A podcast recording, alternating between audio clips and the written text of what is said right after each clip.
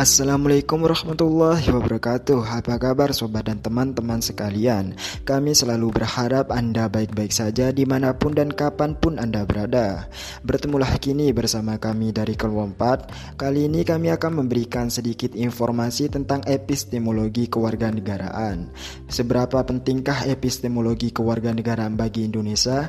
Nah daripada hanya rebahan di rumah lebih baik lagi Jika Anda mendengarkan podcast kami yang insya Allah bisa bisa bermanfaat untuk masa depan Anda dan juga menambah wawasan Anda. Mungkin sudah banyak yang penasaran nih, yuk langsung saja kita dengarkan informasi yang akan kami sampaikan. Jangan lupa untuk tetap stay tune agar tidak ketinggalan informasi yang akan kami bawakan selanjutnya.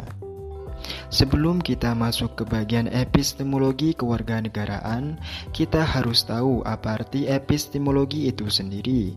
Epistemologi adalah suatu disiplin ilmu yang membicarakan dan menyelidiki sumber, kaidah, proses dan batasan suatu ilmu ataupun pengetahuan sehingga membawa kepada pemahaman terhadap kebenaran yang hakiki.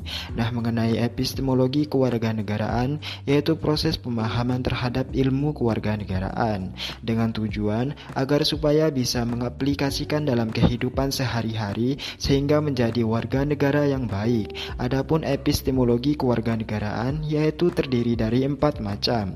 Pertama, demokrasi, kedua, rule of law, ketiga, civil society, dan civil religion. Keempat, pasar bebas atau free market dan tantangan global. Untuk informasi lebih lengkapnya, kita lanjut ke penjelasan dari subbab epistemologi kewarganegaraan itu sendiri. Diterimanya konsep demokrasi disebabkan oleh keyakinan mereka bahwa konsep ini merupakan tata pemerintahan yang paling unggul, karena demokrasi harus berdasarkan pada suatu kedaulatan rakyat. Artinya, kekuasaan negara itu dikelola dari rakyat, oleh rakyat, dan untuk rakyat. Demokrasi merupakan salah satu bentuk atau mekanisme sistem pemerintahan suatu negara sebagai upaya mewujudkan kedaulatan rakyat atau negara yang dijalankan oleh pemerintah. Negara Indonesia merupakan salah satu negara yang berusaha untuk membangun sistem politik demokrasi sejak menyatakan kemerdekaan dan kedaulatannya. Para pendiri bangsa berharap agar terwujudnya pemerintahan yang melindungi bangsa Indonesia dan seluruh tumpah darah Indonesia. Semua itu merupakan gagasan dasar yang melandasi kehidupan negara yang demokratis. Landasan tentang demokrasi telah tertuang dalam pembukaan UUD 1945 maupun batang tubuh UUD 1945. Seluruh pernyataan dalam UUD 1945 dilandasi oleh jiwa dan semangat demokrasi. Penyusunan naskah UUD 1945 itu sendiri juga dilakukan secara demokratis. Dengan demikian, demokrasi bagi bangsa Indonesia adalah konsep yang tidak dapat dipisahkan. Budaya demokrasi di Indonesia perlu dikembangkan dalam kehidupan bermasyarakat, berbangsa, dan bernegara, serta hendaknya mengacu kepada akar budaya nasionalisme yang memiliki nilai gotong royong atau kebersamaan dan mementingkan kepentingan umum. Sebagai negara hukum, tentunya Indonesia mempunyai rule of law. Rule of law dalam bahasa adalah aturan dari hukum yang memiliki arti peraturan yang berdasarkan hukum tentang negara, bernegara, maupun tata negara. Gunanya rule of law adalah untuk menjaga ketertiban dan keselarasan masyarakat dalam bernegara.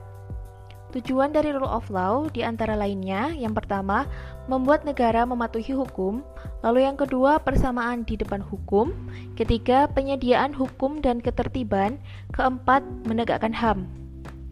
Dengan berprinsip, supremasi hukum, kesetaraan hukum, dan terjaminnya HAM. Terwujudnya rule of law ditandai dengan persamaan dalam bidang hukum, pemilihan umum yang bebas, bebas dari kekuasaan yang tidak memihak atau adil, dan yang terakhir adalah jaminan dalam kepastian hukum. Berbicara mengenai negara Indonesia berarti juga berbicara mengenai negara yang multireligi, multietnis, dan budaya, di mana masyarakatnya berpeluang dalam kemajuan negara Indonesia. Masyarakat sipil atau civil society menciptakan keterkaitan yang sukar lepas dari negara, karena civil society sendiri berkontribusi dalam pengambilan keputusan pemerintah. Civil society memiliki prinsip keterlibatan masyarakat, prinsip penegakan hukum, dan adanya tanggung jawab moral bersama, sehingga segala bentuk multikultural harus disejajarkan demi tercapainya hakikat sebuah negara. Seperti halnya civil religion, tidak berpandangan apa agamanya dan bagaimana cara mencapai surga, namun bagaimana cara masyarakat dapat menciptakan keselarasan dalam kehidupan di samping pencampuran agama yang tidak jarang menimbulkan berbagai problematika. Sejatinya, suatu konflik atau masalah memang tidak dapat disangkal kehadirannya, namun masyarakat dapat menangkal dampak dari masalah tersebut. Para pendiri negara Indonesia telah berpikir jauh ke zaman modernisasi, di mana Pancasila yang keseluruhannya mengandung keberagaman bangsa Indonesia dan pedoman untuk hidup berdampingan tanpa adanya perpecahan di dalamnya. Pembahasan selanjutnya yaitu mengenai pasar bebas dan tantangan global. Pasar bebas atau yang biasa disebut dengan globalisasi adalah suatu proses yang menempatkan masyarakat dunia dapat menjangkau satu dengan yang lain dalam semua aspek baik ekonomi, politik maupun budaya. Namun pada kesempatan kali ini saya akan membahas lebih dalam mengenai aspek ekonomi. Di mana pasar bebas di sini berarti pasar yang menjadi satu atau global dan seolah tanpa batas, di mana Produk berupa barang dan jasa akan bebas mengalir dari suatu tempat ke tempat lain sesuai dengan mekanisme pasar. Seperti seperti yang bisa kita lihat akhir-akhir ini yaitu maraknya belanja online. Kita bisa berbelanja di mana pun dan kapan pun kita mau, hanya berbekal dengan Android saja. Namun dalam mekanisme tersebut masih terjadi beberapa hambatan. Yang pertama yaitu perbedaan mata uang antar negara, yang kedua sumber daya manusia yang masih rendah, yang ketiga adalah adanya kebijakan ekspor-impor baik berupa biaya cukai maupun subsidi.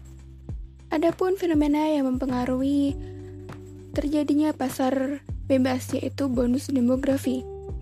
Bonus demografi merupakan teori yang menghubungkan antara dinamika kependudukan dan ekonomi. Menurut United Nations, transisi demografi yang terjadi pada beberapa dekade terakhir di Indonesia akan membuka peluang bagi Indonesia untuk menikmati bonus demografi yaitu pada periode tahun 2020 dan 2030. Maka dari itu, kita sebagai generasi muda sebaiknya sudah mempersiapkan fenomena tersebut dengan meningkatkan mutu pendidikan, yaitu yang pertama dengan menguasai ilmu pendidikan, yang kedua, yang kedua dapat mengubah ilmu pen, pengetahuan menjadi keterampilan, dan yang ketiga adalah mempunyai etika dan moral.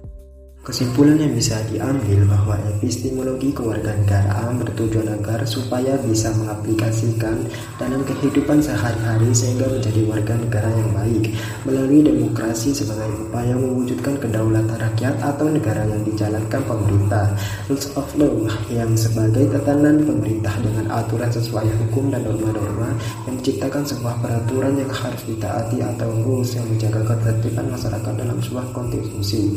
Civil service Society dan Civil Religion yang berlandaskan Pancasila sebagai upaya mengatasi keberagaman untuk tujuan bersama terhadap kemajuan dan perkembangan negara. Pasar bebas atau globalisasi yang membawa dampak positif tapi juga membawa dampak negatif. Maka dari itu kita harus cermat dalam memfilter dan harus sesuai dengan landasan hidup kita yaitu Pancasila. Demikian informasi yang bisa kami berikan kepada Anda tentang epistemologi kewarganegaraan dan betapa pentingnya epistemologi bagi Indonesia. Saya ucapkan lagi terima kasih kepada Anda karena telah bersedia meluangkan waktunya untuk mendengarkan podcast yang telah kami berikan.